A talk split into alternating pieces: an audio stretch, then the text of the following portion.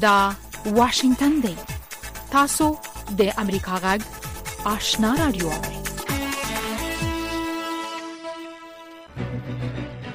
قدرمن اوریدونکو السلام علیکم زه شافیا سردار یم دا د امریکا غږ آشنا رادیو خبرونه پیل شو لومړی به خبرونه واوري السلام علیکم درنو ریدونکو ستړي مشي زه زیبا خادم یم دا د امریکا غږ آشنا رادیو خبرونه ده د نړۍ د دې ساعت خبرونو ته اساس پام را اړوم د ګلبدین حکمتیار په مشرۍ د اسلامي حزب اعلامیه وایي چې دوه تنو وسلوالو نن د حزب په مرکزی دفتر برید وکړ خو دواړه بریدګر د امنیتي ساتونکو لخوا ووژل شول اسلامي حزب ته نږدې منابعو ویلي دي چې دوه تنو وسلوالو نن د دسمبر په دویمه قریب یو نیمه بجه غوښتل د کابل ښار په شپږمه حوزه کې د اسلامي حزب مرکزی دفتر جمعات ته ځانونه ورسوي مګر امنیتي ساتونکو وپیژندل او د امنیتي ساتونکو په متقابل ډزو کې دواړه بریدګر ووژل شول همداشان د ښاغلي حکمتیار دوه ساتونکي هم په دې پیښه کې ټپي شوي دي مګر ښاغلي حکمتیار او یا بل چاته زیان نه دی رسیدلی او تر اوسه هیچا یا کومې ډلې د دې برید مسولیت هم نه دی منلی د طالبانو د سرپرست حکومت د لوړ زده کړو وزیر ندا محمد ندیم وایي په افغانستان کې د جنونو زده کړې بارانه کلچر دی او د امان الله خان او ظاهر شاه په وختونو کې افغانستان ته راوړل شوې ده ندا محمد ندیم د چهارشنبه په ورځ په غونډه کې دا خبره کړې ده او ویډیو یې په انټرنیټي شبکو کې خبره شوې ده مګر د طالبانو د لوړ زده کړو د وزارت ویان احمد تقی په ټوئیټر کې لیکلي دي چې دا زړې خبرې دي او دا د هغه وخت ویډیو ده چې ندا محمد ندیم د کابل والی وو د ملګرو ملتونو د امنیت شورا دوه ورځې مخکې د سمنګانو د ولایت په یو دینی مدرسه کې چاودنه چې لسګونه کسان په کیمړه او ټپي شول سخته غندلې ده او په افغانستان کې د ښکې له خواو څخه د ملکی وګړو او د تعلیمي مرکزونو د امنیت د خوندیتوب غوښتنه کړې ده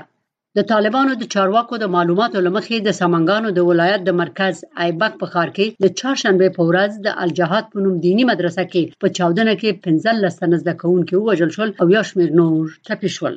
د مهاجرو د چارو عالی کمېشنري وایي چې په افغانستان کې 3 میلیونه څلور لکه کسان بې ځایه شوي دي د نیمایي نه زیاته برخه یې ښځې او نجونې دي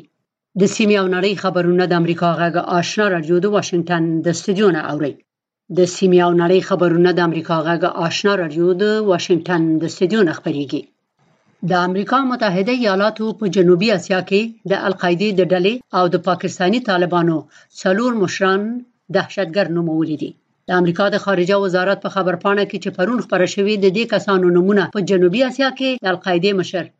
اسامه محمود د هغه مرستیال عاطف یحیی د القاعده د شبکې د استخدام مسول محمد معروف او د پاکستانی طالبانو مشر قاری امجد خودل شوی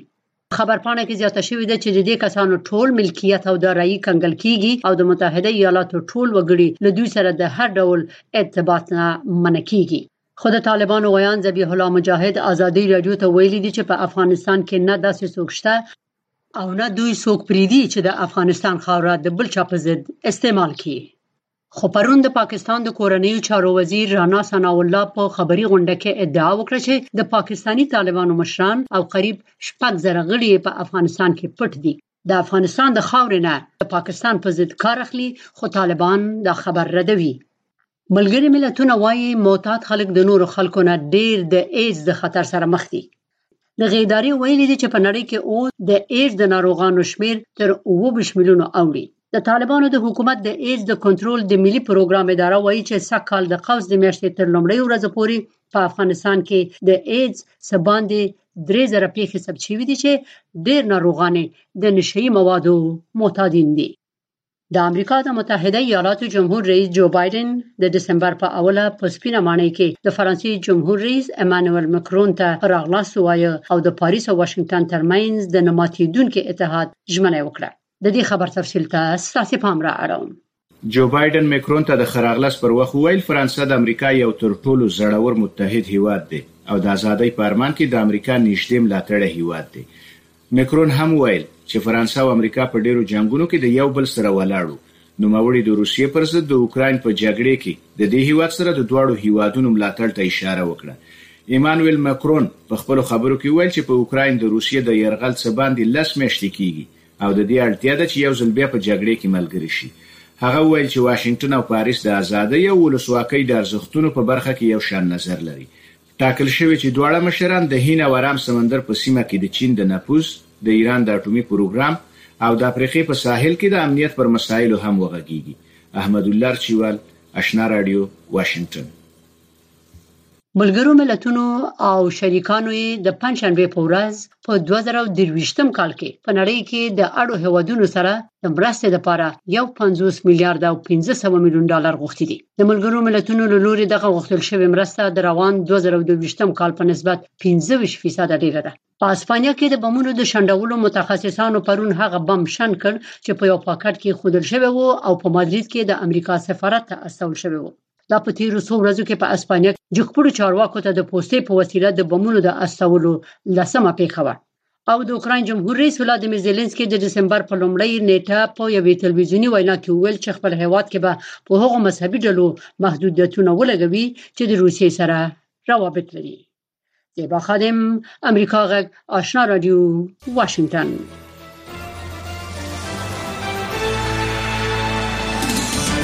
امریکا غږ آشنا رادیو ډیرو قدر منوریدونکو طالبانو په افغانستان کې د نن د امریکا غږ او ازادي رادیو خبرونه چې په منځنۍ چپو او اف ام کې خبرېدلې بند کړې دي د طالبانو د اطلاعات او فرهنګ وزارت وايي د دغو رادیوګانو د پروګرامونو د محتوا په اړه د ترلاسه شوو شکایتونو پر اساس دغه پریکړه کړې ده د افغانستان خبريالانو مرکز وایي د طالبانو دا کار د ډلهییزو رسنیو د قانون خلاف کار دی د طالبانو لړلې غوښتي پر رسنیو او د رسنیو پر خبرونو چې کوم محدودیتونه وضع شوي دي باید لرې کړي یو شمیر افغان ژورنالیستان وایي طالبان پر ولسواکۍ او د بیان پر ازادۍ باور نه لري او لکه مې ورځ چې پر افغانستان حاکم شوی دی د ولس او خبريالانو د ژغ د ټپ کولو هڅه کړې ده او پر دې باندې توانېدل دي چې په افغانستان کې ټول رسنۍ د دوی تر کنټرول لاندې نشرات وکړي طالبان وایي چې د دوی د اطلاعات او فرهنګ وزارت د لارښوونې په اساس به په افغانستان کې دننه د امریکا غږ خبرونه د دسمبر د میاشتې له لومړۍ نیټې وروسته بنديږي خو د خپلې دغه پریکړې په اړه نور جزئیات نه دی ورکړي د طالبانو د اطلاعات او فرهنګ وزارت د نشراتو رئیس عبدالحق حماد په یو ټویټ کې لیکلي چې د افغانستان په 14 ښارونو کې پر اف ام د ازادي رادیو نشرات بند شول امریکا غږ رادیو د طالبان تر دغه پریکړې پورې د اف ام د 15 څپو او د دوو منځنیو څپو لاري په افغانستان کې دننه د ورځې 12 ساعته خبرونه لرلې چې شپږ ساعته پښتو او شپږ ساعته دری وي د امریکا غږ اوریدونکو وایي زه طالبانو ته وایم چې تاسو کډونه ډیره سره رسنۍ بندې کړئ یا دغه کړئ خو د دنيا خوله نه شئ بندولی رسنۍ دار طرف نه خلک اوري خو دا احمقانه نظر او دا احمقانه کار کول نه دي په کار يو ځل اطمينان شي چې طالبان نه لو بيا ځل اطمينان شي چې دا زمونږ باندې دا خرورې د ايف ايم د طرف نه بندې شوې نه چې نو دا بند شي خو دا به مونږ بيا به نو د تاسو سيستم خو به بند شي نو بيا به مونږ خو هيڅ کيس کوای نه شو بیا څه پوهېږئ چې زموږ لاسونه شا ته وتړل شو. امریکا غږ د خپلو خپرونو له لارې د هغو مسایلو په اړه راپورونه خپرول چې طالبان به په داخلي رسنیو کې سانسورول چې د نړیوالو تر غوږونو ونه رسیږي. د خبر اعلان د خوندیتوب کمیټه وایي هغه رسنۍ چې د قانون سره سمې خپرونې کوي باید ملاتړې وشي. د خبریالانو د خوندتوب د کمېټې د څېړنو د برخې مسؤل عبدالقدیم ویاړ وايي، ټول هغه رسنۍ چې د افغانستان د اصولو او قوانینو مطابق فعالیت کوي که څه هم بهرنۍ رسنۍ وي د هغو ملاتړ پکار ده او هغو ته د کار زمینه مساعدول پکار دي تر څو د هغو ډول مطبوعاتو او رسنیو اړتیا پیدا نشي چې هغه بیا له بهره خبرونه کې یا نشرات کې خو د افغانستان قوانین کلتور او فرهنګ په پام کې نه نیسي د افغانستان د خبرلانو مرکز وایي د رسنیو پر خبرونو د طالبانو بندیز د ټولیزو رسنیو د قانون سره په ټکر کې دی د افغانستان د خبرلانو د مرکز ویانده سمیه ولیزاده. این خلاف قانون رسانه های همگانی است و مرکز خبرنگاران افغانستان این خلاف قانون دانسته و از گروه طالبان میخواه محدودیت هایی که بر رسانه ها و همچنان نشرات رسانه ها وضع شده اینها برداشته بشه بله خو یو شمیر افغان ژورنالیستان وایي لکه نه چې طالبان واک ته رسیدلی دي هڅه کوي چې د ولس او رسنیو غږ ټپ کړي یو خبریال عبدالحق عمری وایي طالبان په ولسواکۍ او په بیان ازادۍ باندې باور نه لري د کومې ورځې نه چې دوی راغلي دي دوی د ولس د خبريالانو او د رسنیو د غږ د ټپ کولو هڅه کړې ده او په دې باندې دوی توانېدلې دي چې په افغانستان کې ټول رسنۍ د دوی تر کنټرول لاندې نشرات وکړي او اوس مهال په افغانستان کې بیان ازادي چې دا غشتون نه لري نو د دوی د دغو کړنو سره په کتو سره د دوی په دې هڅه کې دي چې طالب په افغانستان کې کوم جنگي جرایم تر سره کوي یا په حکومت کې کوم فساد تر سره کوي یا د ولس سره ظلم کوي د هر څه هم د سپټ پاتې شي د حقوقي چارو کارپوهان وایي د امریکا غږ او ازادي رادیو د خبرونو بندول په افغانستان کې د وضع شوو قوانینو او د بشر د حقوقو له اعلامیې سره ښکاره سرغړونه ده د افغانستان د حقوق پوهانو د اتحادیې مرستیال عبدالسبحان مصباح وايي. په افغانستان کې د طالبانو له خوا د آزادۍ او د امریکا غږ رادیوګانو په خپرونو بندیز د افغانستان د موضوعه قوانینو، د بشر د حقوقو د اعلامیې او د نړیوالو اسنادو او کنوانسیونونو صریح نقض ګڼل کیږي او ترڅنګ یې د افغانستان خلک د بیان د ازادۍ او د معلوماتو ته د لاسرسۍ له حقوقو محروم کیږي کچیرته دا ازادي د ازادۍ رادیو او هم د امریکا غږ رادیو کوم تخطی کړی وو چې یې سرغړونه کړی وو چې نو هغه د یو خاص کمیسون لخوا نه مخته زی او کچیرته موضوع ډیر جدي نو کولای شي چې د محاکمو له لارې دا مشکل حل کړي تر دې مخکې طالبان د مارچ په ویشتمه نیټه د آشنا تلویزیون خبرونه چې له تیرې یوې لسیزې راهیسې په افغانستان کې خپرېدې هم بندې کړې دي د امریکا غږ چې په افغانستان کې دنه شاوخوا و اشاره درې میلیونه اوریدونکي لري اعلان کړی چې له دې وروسته به په افغانستان کې دنه خپل اوریدونکو ته له بهر څخه د 902 کیلو هرتز بانځنیو چاپول لارې خبرونه کوي په دې سربېره به د امریکا غږ آشنا خبرونه د امریکا غږ په سپوږمکۍ په 390 یا سټ کانال کې او همدغه راز په پښتو او دری ویب سایټونو فیسبوک پاڼو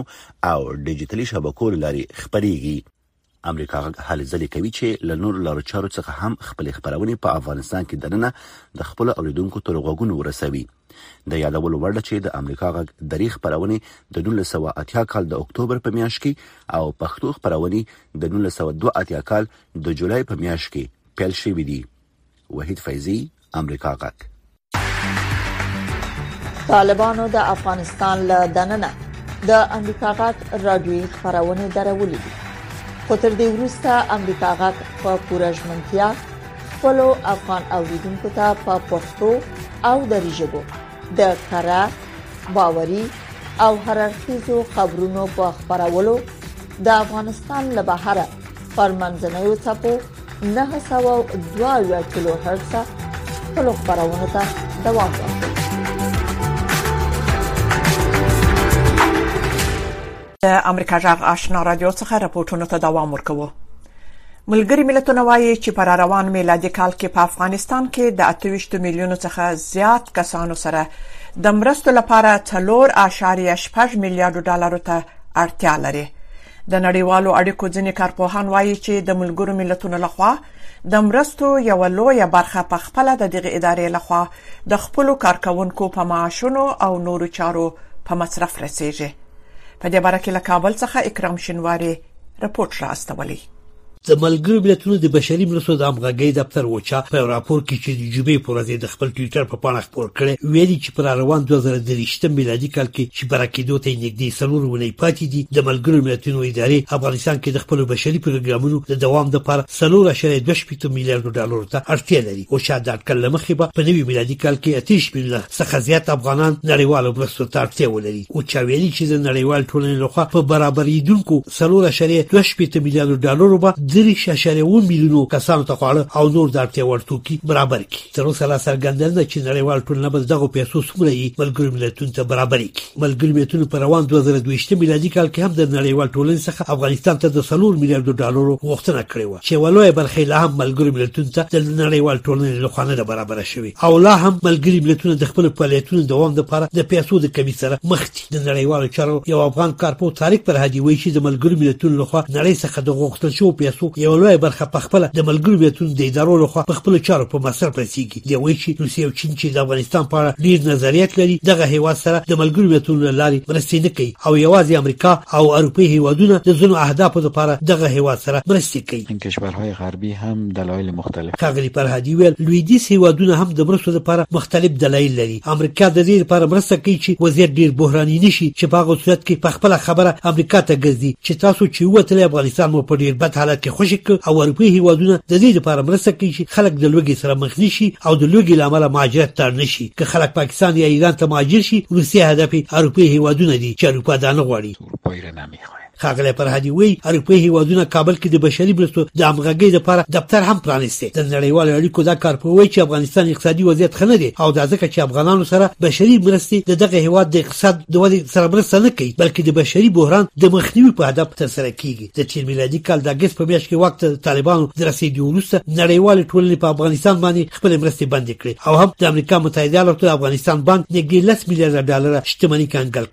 چې ورسره دا هیواد د یو اقتصادي بحران سره مخ شو د طالبانو د حکومت ویاند ذبیح الله مجاهد په افغانستان کې د بشري وضعیت د خرابېدو یو علت د نړیوال ټولنې لخوا د طالبانو د حکومت رسمیت نه پیژندل ښي او وایي چې یو نیم کال کیږي چې افغانستان کې جګړه پای ته رسیدلې امن او ثبات پکې ټینګ شوی خو لا هم دا هیواد په رسمیت نه دی پیژندل شوی ښاغلي مجاهد چې د پنځشنبې په ورځ د امام ابو حنیفه نړیوال نندارتون د پرانیست غونډې ته وینا کوله ویل چې طالبان حکومت او نړیوال قدرتونه یو ستراتیژیک او اصولي تفاهم ته لا نه دي رسیدلي. ستونزه دا ده متاسفانه چې د نړۍ قدرتونه زموږ سره لا هم هغه ستراتیژیک او اصولي تفاهم ته نه دي رسیدلي. لا هم موږ ته مشکلات ایجادوي. دغه حالت ایجابوي چې زموږ خپل هیوادوال، زموږ ملي تجاران، سرمایه داران او هغه څوک چې امکانات ورسره دي جمع نظام او جمع حکومت او جمع مختلف وزارتونه دوی باید په دننه کې هغه روحیه ډیره قوي کې زموږ باید خپل پخو باندې ودرېږو موږ نور دې ته منتظر پاتې نه شو چې بهرني هیوادونه راځي موږ ته نقشه راکړي موږ سره به حمایت کوي او بوجۍ د ډالر به راوړي موږ به ودانوي دا امید باید ونه لرو وخت چې دا امید نه لرو څه کېږي دوه ملار دا چې موږ به ځان آبادو خپله به ځان آبادو معادن لرو ولې ورته ګورو باید سرمایه ګزاري کې وکړو ذبیح الله مجاهدي ویل چې افغانستان کانونه لري او هم کرنیز فرصتونه لري چې باید پانګونه پکې وشي د اقتصادي چارو ځینې افغان کارپوهان په افغانستان کې په لویه کچه د کانونو په سکتور کې پانګونه تر ډیره د طالبان د حکومت د رسمیت پیژندو پورې تړلې ګڼي او وایي چې کسان په تیرو سلو لسیزو کې په لومړي ځل د کانونو په سکتور کې د پانګونې امکانات ډیر زیات شوي خو د بانکونو لارې د پیسو لیک را لیک په برخه کې مشکلات او هم د زیربینۍ پروژو نشتون د کانونو په سکتور کې په لویه کچه د پانګونې په برخه کې خنډونه راولړي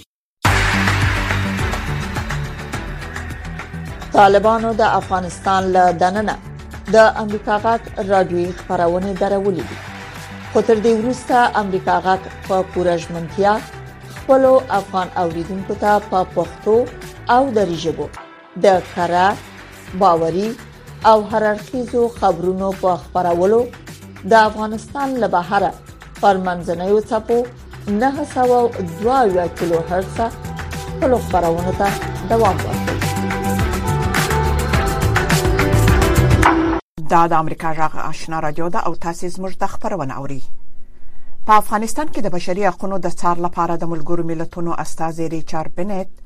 د امریکا غږ آشنا تلویزیون ته په یو مرکه کې ویلي و چې په تیرو 15 میاشتو کې د طالبانو د امر بالمعروف او نهي عن المنکر او استخباراتو ادارې د پخوا په پرتله زیاتې پیوړې شوې دي د دغو ادارو پیوړتیا د بیان آزاد ازادۍ او معلوماتو ته لاسرسی په څه معنا دی شهناز نفیس په دې باره کې راپورټ لري خاغلی بنټ چې سباندې یو میاش وړاندې په اکتوبر کې افغانستان ته سفر کړی وو وایي چې د سفر په مهال احساس کړي چې ولس د طالبانو د امر بالمعروف او استخباراتو د وزارتونو نه اوس زیاته ویره لري I was able to visit Afghanistan بله خبره چې ما په دې وروستي سفر کې ولیدله هغه دا وه چې د استخباراتو د وزارت د مشر او همدارنګه د امر بالمعروف او نهی عن المنکر د وزارت نفوذ مضبوط شوی دی او خلک له دې وزارتونو څخه په ویره کې وو. د مطبوعاتو ازادي هغه برخه ده چې زه یې په اړه اندېښمن یم. د رسنیو محدودیتونه، د مطبوعاتو د ازادۍ او د بیان ازادۍ او د معلوماتو په اړه اندېښنې لرو.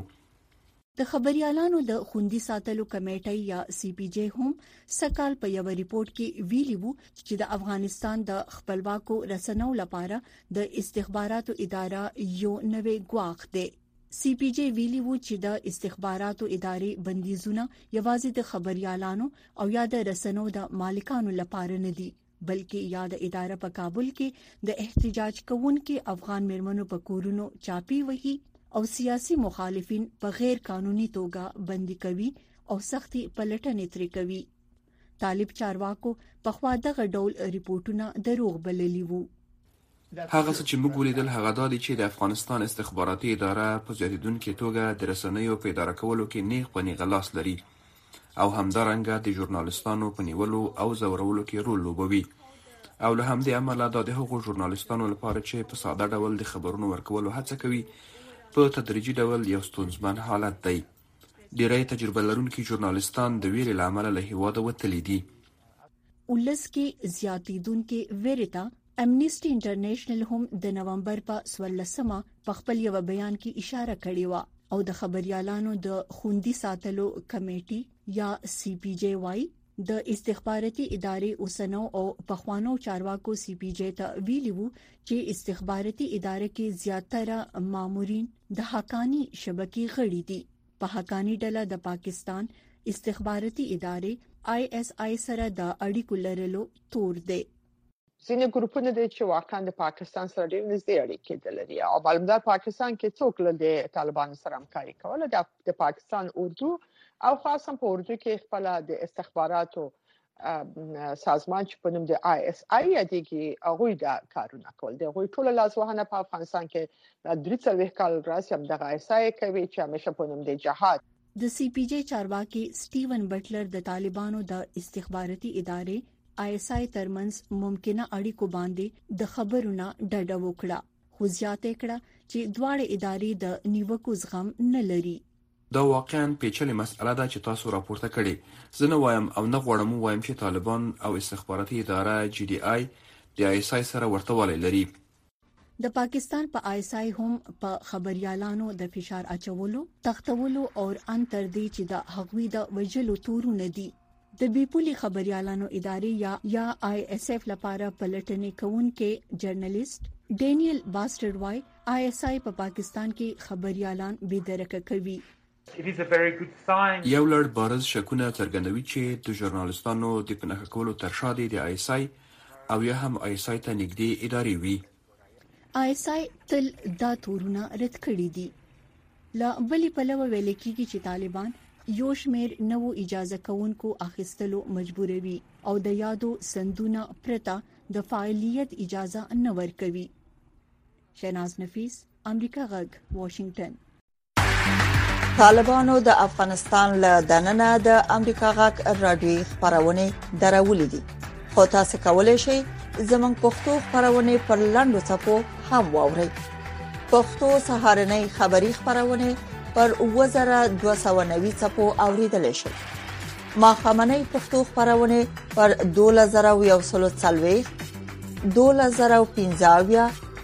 9815 14590 میگا هرتز لنډو چپو اوریدل شي د سپین خبرې یا رکو راست خبرونه پر لنډو چپو 2015 میگا هرتز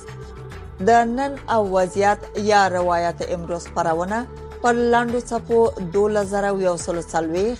9915 او ساسغت یا صداي شما خبرونه پر لاندو ټکو اووه زره پنځه سوه دېرش او نهه زره درې سوه پنځه پنځوس میګا هرتز اورېدلی شئ. دا د امریکا جغ آشنا رادیو ده د امریکا د دفاع وزارت د چین پوځي قدرت تر عنوان لاندې په خپل کلنی رپورت کې چې دا اونۍ خبر سو ویلي چې کله د بیجینګ ګړندۍ اټومي پراختیا دوام وکړي نو د دغه هیواد د وسلو په زیرمو کې د اټومي کوپړو شمیر به تر 2015 کال پورې 1500 ته ورسیږي په دې باره کې د پینتاګان څخه د امریکا ژغ د خبريالي کارلا باب د رپورت پښتو ژباړه تاسو په امر ګرځوو پینتاګان په خپل تازه راپور کې ویلي چې چین دا وخت 400 اتومي کوپړۍ لري او په راتلونکو دوو کلونو کې به دغه شمیر دوه چنده زیات سي. په راپور کي ویل سوي چي چین تیر کال شا و خوا یو سل او پنځه دېرش بالستیک توغندي وازمویل چي دا شمیر د اوکراین په څیر د جګړې په ډګرونو کي د توغول سویو توغندیو پرته د ټولي نړۍ د مجموعي ازموینو په پرتله زیات دئ. که د چین د توغندیو د زیرمي اندازې او ظرفیت ته وکتل شي حیرانونکې ده. پنټاګان په دې برخه کې چین خپل مهم سیال بولي. چین یوازنی هیواد دی چې په جیوپولیټیک ډول د دې توان لري چې متحده ایالاتو ته د پام وړ ننګونې ایجاد کړي. د دې راپور په اساس چین په سیمه کې د امریکا او متحدینو په وړاندې د پنټاګان په خبره ناامنه او غیر مسلکي اقدامات پراخ کړي دي، په ځانګړي ډول د تایوان د خودمختاره ټاپو په وړاندې چې شنونکی براډلي بومن ورته اشاره کوي. دوی د تایوان په وړاندې د نظامي ځواک د کارولو امکان نه ردوي او په ښکاره په خپل دریځ کلک ولاړ دي او احتمالا د تایوان پر ضد برید ته چمتووالی نیسي. د وروستیو ترینګلتیاو سره سره پنټاګان په نږدې راتلونکي کې د برید امکان رد کړی دی. په راپور کې واضح شوې ده، موږ فکر نه کوو چې په نږدې راتلونکي کې به یرغل وکړي. خو د دفاعي چارو یوه لوړپوړي چارواکي رسنیو ته وویل چې د تایوان چاپیر د چین پوځي مانورونه په معمول بدل شوي دي. په تیر اګست کې تایوان ته د امریکا د ولسي جرګې د رئیسې نانسي پلوسي له سفر وروسته چين، تايوان ته څېرمه اوبو کې خوځښت، پوځي تمرينونه او د توغنديو ازموينې زياتې کړې. د دغه چارواکي په حواله، که څه هم د دې اقداماتو اندازه وروسته کمه شوه، خو لا هم دوام لري. د چين د دفاع وزير وي فينګ تېره اونۍ په کمبوډيا کې د امريکا د دفاع وزير لايډ آسټين ته وويل چې بېجينګ د تايوان ټاپو خپله سره کرښه بولي. د بیجینګ دا ډول یرغلیز دریځ د جنوبي چین سمندر ته هم غځېدلی، چیرې چې د امریکا چانسلر ویل، سترې بیړۍ تازه په ازادو او نړیوالو اوبو کې د تګ راتګ د خوندي کولو ماموریت بشپړ کړ. له دغو اوبو څخه د نړۍ نیمایي تجارتي بیړۍ تیریږي چې اندازه یې د کاله تریلیونونو ډالرو ته رسیږي. ځینو راپورونو وویل چې چین دغه بیړۍ په زوره له سیمې ایستلې ده. دا رښتیا نه ده. موږ د نړیوال قانون په رڼا کې په ټولو ازادو اوبو کې د خپلو کښتیو تګ راتګ او الوتنو ته دوام ورکوو. بیجینګ د جنوبي چین سمندر خپل مالکیت بولي او د نړیوالې محکمې هغه حکم یې له پامه غورځولی چې وايي، داسې کوم تاریخي سند نشته چې د بیجینګ دغه ادعا ثابته کړي. طالبانو د افغانستان له دننه د امریکا غاک رادیوي خبرونه درولې دي خو تاسو کولی شئ زموږ پښتو خبرونه پر لاندو چپو هم واورئ پښتو سهارنۍ خبری خبرونه پر 2290 چپو اوریدل شي ما خامنۍ پښتو خبرونه پر 2140